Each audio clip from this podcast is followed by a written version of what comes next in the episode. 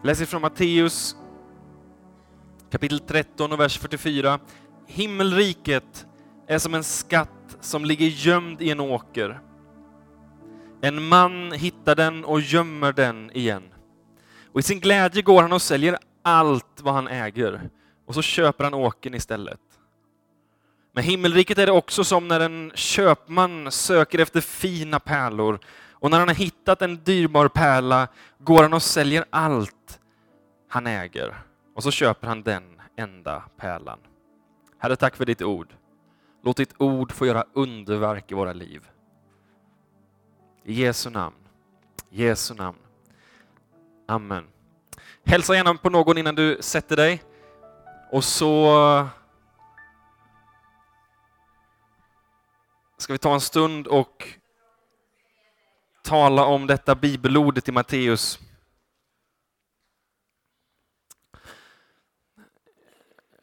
Här så är vi inne i ett kapitel av liknelser, Matteus 13, där man gång på gång talar om hur är himmelriket likt? Vad är det att kliva in i Guds rike? Och då säger Matteus att när man kliver in i Guds rike och förstår vad det är, inser den skatten, så är det värt allting. Det finns ingenting som är så mycket värt som att möta Gud. Som att få hans rike på insidan. När du har möjlighet att få tag i det så kommer du att ge allting i utbyte mot det. Och så tänker jag att många av oss har kanske varit där. Att tron har känts passionerad och på riktigt det har varit någonting som jag skulle kunnat ge allting för.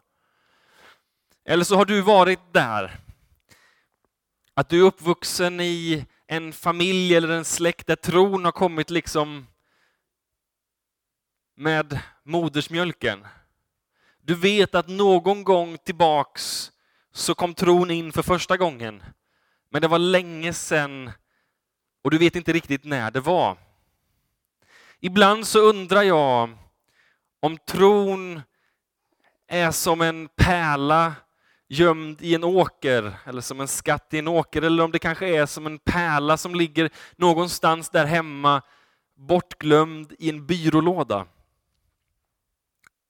Jag vet inte hur ni har era bestick, men besticken brukar ju ofta vara högst upp.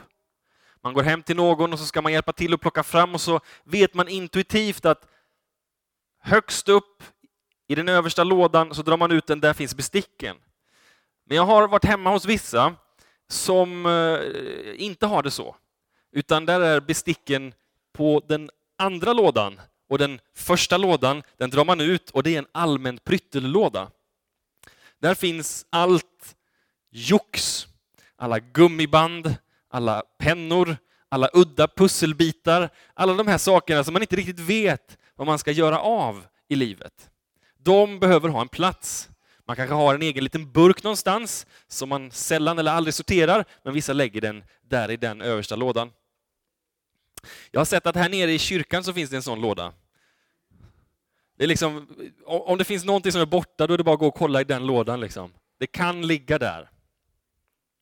Och ibland så undrar jag om inte tron för många av oss har blivit som den pärla, det smycke som ligger liksom bortkastat i lådan. Man vet inte riktigt vad man ska göra av det. Vart hör det hemma någonstans? Så man liksom slänger det i den här allt i allo-lådan. Man låter barnen leka lite med det här smycket, med den här pärlan, med den här skatten. Man kanske använder det och klär ut sig ibland och säger åh vad fin jag blir i den här prinsessklänningen och den här liksom guldringen. Vad fint det blir att ta på sig den här broschen. Vad vacker jag blir. Mina barn, det är någonting av det mesta de gör. De engagerar sig i att klä ut sig. Och, och, min dotter Siri hon vill ha en rosa klänning och det ska vara mycket guld och mycket glitter. Jag tänker att en sån pärla kanske skulle passa där någonstans. Och så undrar jag, är det så ibland som vi behandlar tron? Som lite allt i allo? Som någonting som vi inte riktigt vet vad vi ska göra med? Jag hörde en berättelse en gång om någon som hade ett smycke hemma och som hade det i sin allt-i-allo-låda.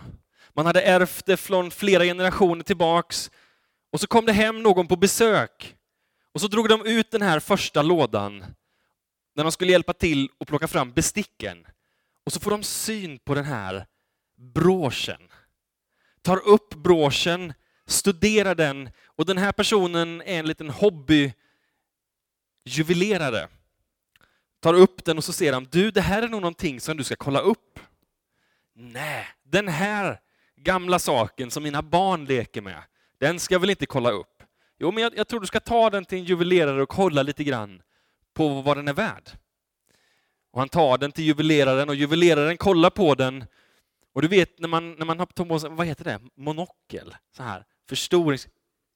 En lupp säger, säger guldsmeden här framme. En lupp är det.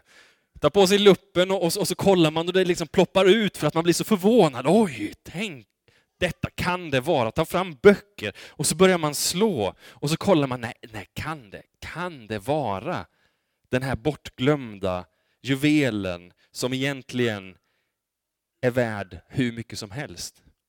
Och efter det här besöket så, så får de ju då frågan, är du säker på att du ska ta den i handväskan hem? Eller vill du att vi liksom transporterar den med, med värdegods? För den är värd väldigt mycket pengar. Och så inser den här personen som har haft den högst upp i sin byrålåda, kanske borde jag gjort, visat det här smycket lite mer respekt. Och när han får se hur många nollor det är bakom det här talet som visar hur mycket världen är, så inser man att den här är värd mer än allt han äger tillsammans. Helt plötsligt får inte barnen leka med det. Helt plötsligt så skaffar man en försäkring som kostar mer än försäkringen för hela huset. För just det där smycket. Och man inser att om man säljer det här smycket, då skulle man kunna köpa den fetaste villan i stan. Någonstans så är det ju värdet på någonting som avgör hur man behandlar det. Och den här texten försöker säga någonting till oss. Den försöker säga, om vi inser värdet på tron, om vi inser hur mycket det kan få betyda för oss, så skulle det få kosta allting. Men om du väljer att ha tron som en bortglömd juvel i översta lådan i allt i, allt i allo-platsen, så kommer den kanske inte betyda så mycket som den skulle kunna få göra. För den skulle kunna förändra hela ditt liv. Allting handlar ju om värdering och om kunskap om det värdet. Eh, jag vet inte hur många av er har, har hört om serien Prison Break? Upp med en hand. Ja, kanske hälften. För några år sedan så, så var det många som talade om serien Prison Break. Och man ville hela tiden se nästa avsnitt för att den var så otroligt spännande. Och jag såg inte den då, men några år senare så satte jag mig på eh, Netflix, tror jag det var, och så började jag se på den här serien. Och visst var den väldigt, väldigt spännande. Den, den handlar om Mike Schofield som är otroligt smart.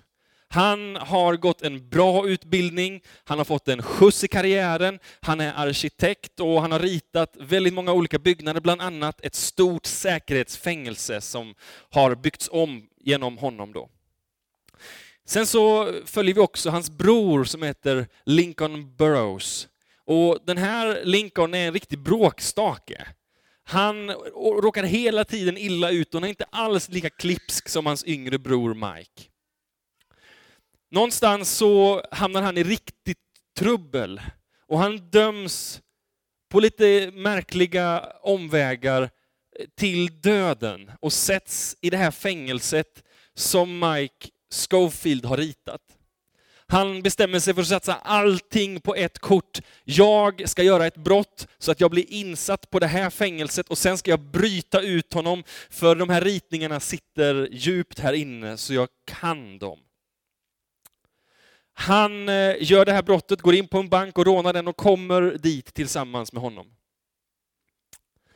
Sen så börjar hela det här utbrytningsförsöket där han ska försöka få ut honom. Och jag vill inte avslöja Jo, jag avslöjar allting. De får ut honom. De får ut honom. Men det är som att den här resan fortsätter. Och bröderna lever de här liksom livet där Mike Schofield är den smarta och den som klarar av allting. Och Lincoln Burrows är den som hela tiden ställer till det. Någon gång så ställer Mike frågan så här. Varför är det så med dig att du alltid ska ställa till det hela tiden? Och då får han ett svar som ger ett nytt ljus över hela den gamla berättelsen. Det är nämligen så att de här har varit föräldralösa pojkar. Deras pappa lämnade dem som ung, när de var, när de var små, och deras mamma, hon dog i cancer. Och när mamman dog så lämnade hon bara efter sig en livförsäkring. Och den delades på de två. Så att Mike kunde gå den här dyra utbildningen och Lincoln Burrows bara slarvade bort och slösade bort sina pengar. Men där och då så svarar Lincoln, det är inte som du tror att det varit. Det fanns ingen livförsäkring. När mamma dog så blev jag ensam med dig. Och jag var tvungen till att ta ett väldigt stort lån för att du skulle kunna gå din utbildning.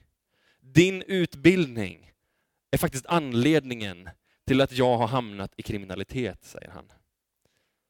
Och helt plötsligt så förstår han att han har hela sitt liv att tacka för att hans bror har gjort en väldigt stor uppoffring för honom. Det här ger ett nytt ljus över hela berättelsen. Ibland så finns det viss kunskap som du och jag får och som kan omkullkasta allting. Ge ett nytt ljus över saker och ting. Och innan det var livet på ett sätt, men efteråt kan du inte se på samma personer och på samma händelser utan att tänka på den nya informationen som du har fått. Den nya informationen förändrar allt.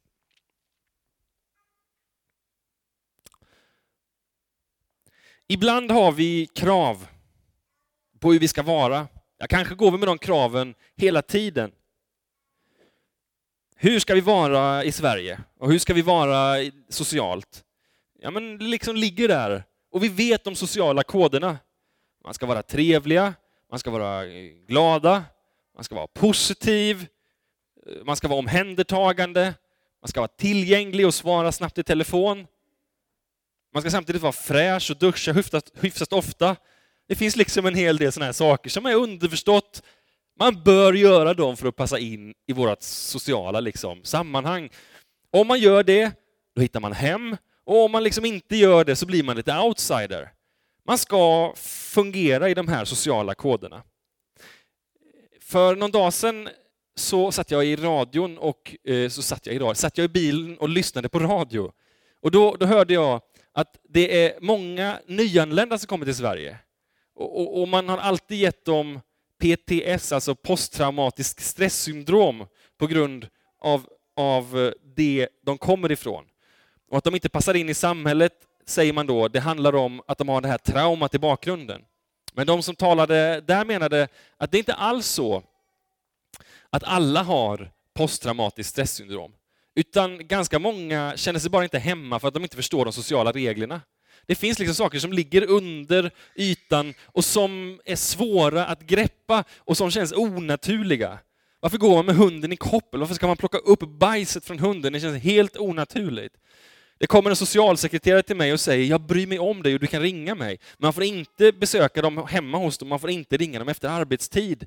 Sådana här saker som liksom är underförstått, som vi förstår att det förväntas av oss, men som andra som kommer utifrån inte fattar. Och ibland kan ju de där sakerna kännas lite jobbiga, nästan lite onaturliga. Måste jag vara på det här sättet? Idag känner jag mig inte trevlig, glad eller check och jag vill inte duscha. Och så kommer vi till kyrkan. Och här finns det krav här också. Massor av krav. Och som att det inte räckte med att pastorn säger dem, så står de i Bibeln. Det står massa saker som man ska göra. Men om jag inte känner för det då? Det står i första Thessalonikerbrevet 5 och 16, var glad. Det måste vara Bibelns kortaste vers. Var glad. Bra! När då? Alltid ska du vara glad. Mm. Och sen står det i Matteus 14 och 27, var inte rädd. Var inte rädd. Nej, men det finns saker att vara rädd för. Nej, men du ska inte vara rädd. Var aldrig rädd. Och, och vidare, Johannes 14 och 1, känn ingen oro. Men räntan går upp. Huset kan brinna. Det finns många saker och känna oro inför. Framtiden är oviss, politiker kan inte komma överens. Jag är orolig. Nej, känn ingen oro. Kanske är det här det liksom mest klyschiga och, och samtidigt det mest svåra. Johannes 16 och 17, älska varandra. Hur många gånger har man hört det? Och hur mycket har vi inte försökt att leva så? Min förskolefröken har alltid sagt detta, man ska vara snälla mot varandra och man ska älska varandra. Det är viktigt, men det är jobbigt. Och så kommer vi till kyrkan och så har vi alla de här kraven som vi ska göra. Vi ska vara glada, vi ska inte känna någon oro, vi ska inte vara rädda och vi ska älska varandra. Men hur? Hur gör vi det? Ja, saken är den att en del skulle nog säga att bara man försöker så kommer man själv att påverkas av det. Det vill säga om du försöker att vara glad kommer du faktiskt att bli lite gladare. Om du försöker att inte vara orolig kommer du vara mindre orolig. Alltså om du klistrar på dig en fasad kommer fasaden att påverka dig. Man gjorde en undersökning tidigare i ett program på SVT, hur säkert det nu är, om hur dialekter påverkar. Och då säger man det att de gladaste av alla, det är göteborgarna. Därför de har liksom en, en, en dialekt som avslutar alltid liksom uppåt och glatt. Och, och de, de, de tråkigaste då, det är ju örebroarna. Det är väldigt gnälligt och det, det känns inte riktigt bra. Det avslutar neråt. Och så sa man det att det konstiga är ju att när man gör undersökningar med de glada dialekterna och de tråkiga och ledsna dialekterna så visar det sig att de som pratar glad dialekt faktiskt är gladare. För att de tror att de är gladare. De är gladare för att de tror att de är gladare. De har alltså lurat sig själv. Så åker du till Göteborg kommer du möta en gladare stad därför att de själva tror på sin egen lögn. Men räcker det?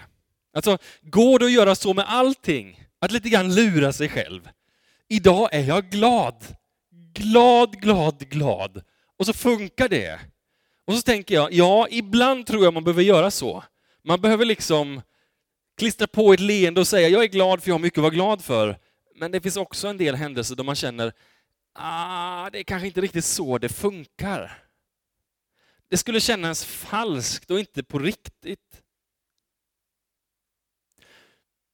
I en bok som heter Faith Speaking Understanding så skriver de så här.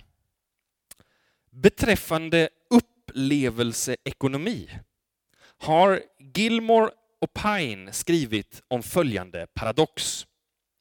Ju mer vi inser att våra erfarenheter är iscensatta och inte äkta, ju mer vill vi bli försäkrade om, om det som är äkta. Om ett erbjudande upplevs vara mindre än 100% äkta kommer det ses som inautentiskt, motsägelsefullt och fake. Därför gav de titeln på sin bok Authenticity, What Consumers Really Want. Alltså äkthet, det är vad alla konsumenter egentligen vill ha. Varje företag som vill att deras företag ska ha ska vara konkurrensmässigt, måste satsa på att skapa en äkta känsla. Detta är med deras ord, your businesses offerings must get real. Ju mer vi håller på att tänka på de här processerna, säger de, ju mer vi tänker på vad är rätt och vad är fel och hur känns det, ju bättre blir vi också på att bedöma om någonting är äkta eller inte. Och det finns ingenting värre än att någonting känns inautentiskt eller fake. Om man kliver in i en affär eller möter en försäljare och inser att de tror inte på det här själva. Det här är ingenting de själva lever. Den här produkten känns liksom plastig. Så är det det värsta man kan utsättas för i dagens eh, sälj. Därför att det viktigaste vi har att erbjuda är att det ska kännas äkta. Så hur bra är det att klistra på sig någonting när det inte känns så bra? Ja, ibland funkar det, men inte så vi kan leva våra liv.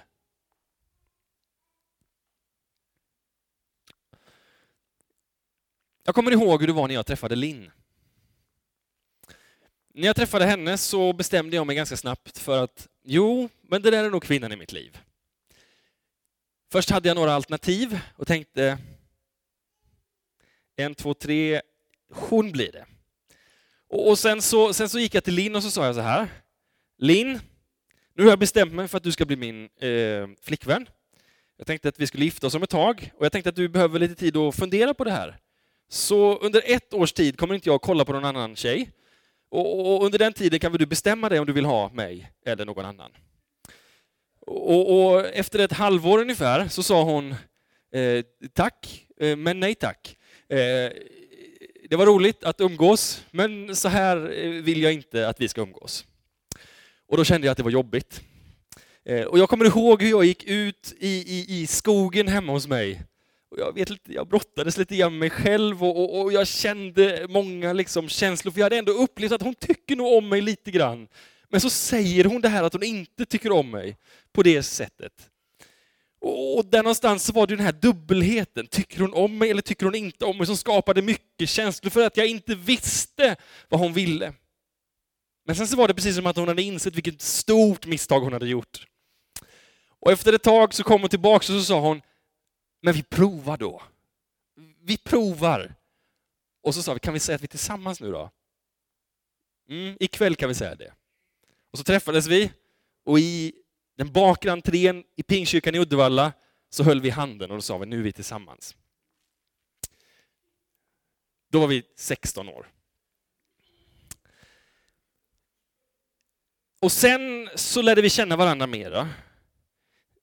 Och så gick det kanske ett par, tre år och då sa vi, men ska vi, ska vi gifta oss? Ja, men vi ska börja gifta oss. Börja gifta oss. Vi ska planera för att gifta oss. Det vill säga, vi vill leva hela livet tillsammans och då, när man sätter på den där förlovningsringen som vi gjorde på det mest oromantiska sättet i världen, så fråga mig inte om hur. Men när vi satte på den här så börjar en process, tänker jag där man riktar sig fram mot bröllopet och som i sin tur också kastar mig in i ett liv framåt. Och alla ni som har varit med och planerat ett bröllop vet att det är både ups and downs. Alltså allt från liksom vilken klänning ska man ha? Vi besökte varenda butik i Stockholm. Och det är jobbigt, jobbigt, jobbigt att stå hela tiden kolla på klänning. Jag visste direkt vad jag skulle ha. Jag skulle ha en, en jackett och den skulle jag hämta på Ströms inne på Sankt Eriksplan och hon behövde inte ens kolla på den. Men det är inte bara klänning, det är mat. Och det är gäster. Vilka ska man bjuda och vilka ska man inte bjuda? Det är mer saker. Och en stor sak är ekonomi. Vem ska betala för hela det här kalaset? Och det tog ända tills bara någon vecka innan då vi fick boka hotell och vi skulle boka bil och vi skulle boka alla de här sakerna som vi hade glömt att boka, det fick mina föräldrar hjälpa mig att liksom fixa där i sista stund. Och visst kan man ju känna att saker är jobbigt, eller hur? Det kan vara saker i planeringen som är jobbigt, men det ligger alltid en grundton där, eller hur? Och grundtonen är, hon älskar mig. Jag kanske var tveksam på det tidigare, men nu har hon sagt att hon vill gifta sig med mig. Och jag ser fram emot när vi ska gå in i kyrkan och säga ja för resten av livet. Att få leva i den kunskapen, att få leva i det stadiet där jag vet att hon älskar mig. Det är ju det som bär mig igenom alla de här andra sakerna. Det är det som får mig att titta på alla de här hundra klänningarna. Det är det som får mig att prova mat och att samla ihop pengar, alldeles för mycket pengar, till den här festen. Det är det som får mig att gå igenom allt det här. Natten innan sov jag ingenting. Och dagen till ära drack jag fem koppar kaffe och jag kan inte dricka kaffe för jag blir helt knasig i hjärnan. Så jag var helt snurrig, men ändå så var det ett fantastisk dag för att jag vet att hon kommer säga ja. Vi möter ju olika människor i livet, eller hur? Olika människor som går, i, går igenom olika faser. Och ibland så har du och jag mött dem som verkligen behöver vårt stöd. Man går igenom en hemsk period i sitt liv. Och, och det värsta man kan göra då, det är, ju, det är att sätta sig och liksom säga ja, men det går över, eller se det från den ljusa sidan. För just då finns det ingen ljus sida att se saker på. De har insett att det är nattsvart för att det är nattsvart. Och man behöver guida en sån person igenom det genom att bara vara nära, stötta och inse att i det nattsvarta mörkret så behöver man faktiskt någon att vara med tillsammans. Men sen så finns det de som kliver in i samma liksom mode, samma, samma så att säga, inställning till livet, fast det har inte hänt någon jättestor grej. Det är som att de har allting, men känner ändå att livet är kast. Du som har barn och du som har familj, du som har en fru som älskar dig, du som har ett hus och en bil och ett jobb, du som går till en församling. Allting är som det borde vara. Men man känner fortfarande att livet är meningslöst. Att allt är deppigt och man går in i en depression. Och jag menar att jag har respekt för depressioner. Men det här möter man ofta på ett annat sätt när man står utanför. Då försöker man förklara, eller hur? Då försöker man säga, men se på dina barn. Ser inte du att de älskar dig? Se på din fru. Ser inte du hur bra hon tar hand om dig? Se på ditt jobb och din karriär, hur allting flyter på. Se på Gud, hur han ser på dig och vill ge dig liv. Varför gör man så? Därför att man inser att utifrån det liv man har borde man ta de praktiska konsekvenserna av det och leva ut det. Man inser att om du skulle förstå vad du lever i, om du skulle ha kunskap om det, så skulle den kunskapen göra någonting med dig. Alltså man lever ologiskt. Du lever inte utifrån det liv du faktiskt har. Jag säger alltså inte att du inte får vara deppig. Det är inte det jag säger. Jag inser att man går igenom olika perioder. Men det jag säger är att vi som kristna i vår tro behöver lära oss att meditera vår tro. Vi behöver lära oss att ta vår tro på allvar och att inse att det är kunskapen djupare än alla kunskaper. Jag möter ibland människor som säger teologi är tråkigt. Eller som kanske säger teologi är onödigt. Teologi betyder kunskapen om Gud. Och jag skulle vilja säga att det finns ingenting viktigare för oss kristna än teologi. Och då menar inte jag att du ska sätta dig i liksom Uppsala universitet och läsa tunga böcker om vem Gud är i akademin. Det är till för vissa. Men för alla oss är det till att lära känna Gud, vem han är, att dyka ner i kunskapen om honom och att förankra dig själv och din identitet hos Gud. Att den kunskapen om honom får vara det mest grundläggande i ditt liv, så att den kunskapen kan börja förvandla dig inifrån och ut. Vi behöver inse att våran tro inte bara är som det där smycket som ligger oanvänt i den här översta skräplådan. Det behöver få bli någonting som är värdefullt och dyrbart. Någonting som jag skulle kunna sälja allt vad jag äger och har för att få.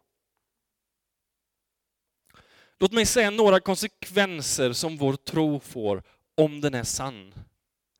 Om Gud finns så finns det mening i ditt liv. Om Gud finns behöver du alltså inte leta över någon annan mening. Meningen finns i Gud. Om Jesus har kommit till jorden så finns det ett hopp för ditt liv. Om han har uppstått så finns det liv och liv i överflöd att hämta för dig. Det finns ett liv att kliva in i och hämta kraft hos honom som har gett sitt liv för dig. Om du har tagit emot tron är du ett Guds barn. Om du är hans barn så är du den rikaste i världen. Därför han säger att allt mitt är ditt.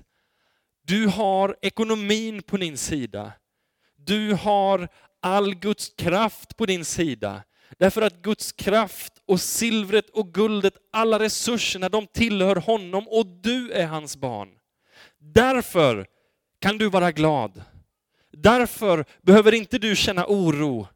Därför behöver du inte vara rädd. Och på grund av att han har älskat dig kan du älska andra tillbaks. Det ligger i kunskapen om honom. Du behöver inte skåsa upp någonting. Du kan hämta ur den djupa brunnen som är Guds ord och säga till dig själv, jag vet vem jag är i Kristus. I honom har jag liv. Därför kan jag ha liv trots att allting ser dött ut. Just nu ser budgeten riktigt kämpig ut, men i honom har jag rikedom trots att det ser kämpigt ut just nu. Jag kan se glad ut, även om allting annat säger åt mig att vara bister. I honom finns allt jag behöver. Om det här stämmer, så vore det själviskt att hålla det för sig själv. Och det vore dumt att inte jubla när vi är bland syskon. Ibland så säger jag, när du kommer hit, sätt dig längst fram. Varför då? Ställ dig upp i lovsången, räck dina händer. Varför då? För att skapa en god atmosfär kanske. Men mer tydligt än så, så handlar det om att vi ger tillbaks utifrån en kunskap om Gud som vi har fått. Vi ställer oss upp, vi sträcker våra händer för att vi vill ta emot av honom allt det som han har gett till oss. Vi är glada därför att vi har mycket att vara glada för. I Kolosserbrevet 2.6 så står det Ni har lärt känna Herren Jesus Kristus. Lev då i honom. Med rot och grund i honom, allt fastare i den tro som ni har undervisats i och låt er tacksamhet överflöda. Låt ingen göra er till fångar i de tomma och eh, bedrägliga vishetslärorna som bygger på mänskliga traditioner och kosmiska makter och inte tro på Kristus. Varför? Därför ni har lärt känna Herren Jesus Kristus. Lev då i honom. Vad innebär det att vara äkta? Vad innebär det att vara på riktigt? I vår kultur så handlar det om att följa sitt inre och sina känslor. När jag var tonåring så kände jag ofta så här, när ska jag sträcka mina händer? Så behövde jag känna efter ett tag så här, mm, känns det rätt i hjärtat? Mm, ja, nu har jag känslan här, nu, nu är den här. Yes! Bra, då kan jag göra det. När ska jag be? Hur, hur ska jag liksom... Mm, Mm, nej, jag vill inte be. Jag ber en annan dag. När ska jag läsa Bibeln? Mm, mm, mm. Jo, nu känns det bra. Och så gör man det. Och så inser jag att det där handlar om att gå från känslor och låta känslor styra mitt liv. Låt istället tron styra dina känslor. Alltså att tron får forma och skapa dina känslor. Att tron får vara det som faktiskt dirigerar vem du är och vart du är på väg. Det är inte det jag säger att du ska gå emot dina känslor. Nej, låt tron få äga och skapa dina känslor. Om du kommer hit och känner det är god atmosfär här inne, så ska det framför allt handla om att vi står på Guds ord och på att vi tar konsekvenserna av det. I ditt liv, bland dina grannar, överallt där du är. Låt tron få konsekvenser. Kliv ut i tro och säg, Gud, låt den tron som jag har får bli grunden i mitt liv. Gör den dyrbar och värdefull. Ge den den plats den verkligen ska ha som grunden i ditt liv. Låt den forma allt vad du är. Kan vi resa oss upp tillsammans? Vi i pingst har många fördelar. Vi älskar att mötas. Vi gillar att få vara tillsammans gemytligt. Att få möta Gud, att få känna honom innerligt. Vi behöver lära oss att kliva in och faktiskt säga, Gud låt oss få möta dig, säger vi. Ta en kvart med Guds ord. Och det finns ett löfte att du kommer möta honom där. För han är i det. I kunskapen, där är han. Att Guds ord får bli rättesnöret i våra liv. Att det får bli det utifrån var känslorna kommer. Vi ska be att Gud får möta oss. Att kunskapen om Gud får förvandla vilka vi är. Så att vi kan säga att vi är glada för att han har gett oss glädje. Vi står starka därför att han har gjort oss starka. Jesus Kristus, vi tackar dig för att du är våran klippa och våran borg. Vi står starka inte bara eftersom att vi har intalat oss att vara starka, utan därför att du har gjort oss starka. Och Herre, du ser att vi ibland är ologiska. Att vi kanske har ärvt tron och inte insett hur mycket värde vi ska sätta på den. Låt tron då få bli dyrbar, så att vi inser att den inte bara ska ligga i byrålådan, den ska vara värdefull för oss, användas och bli på riktigt. Låt tron i våra liv få utforskas mera, bli djupare, få fånga in oss. Herre, led oss rätt. Led oss rätt. Så ber jag dig att du ska bekräfta det jag nyss har sagt. Att när vi ställer oss på ditt ord så kommer du och ger oss allt det som vi behöver. Av insikt och av känslor. Av en, en, en övertygelse i våra liv.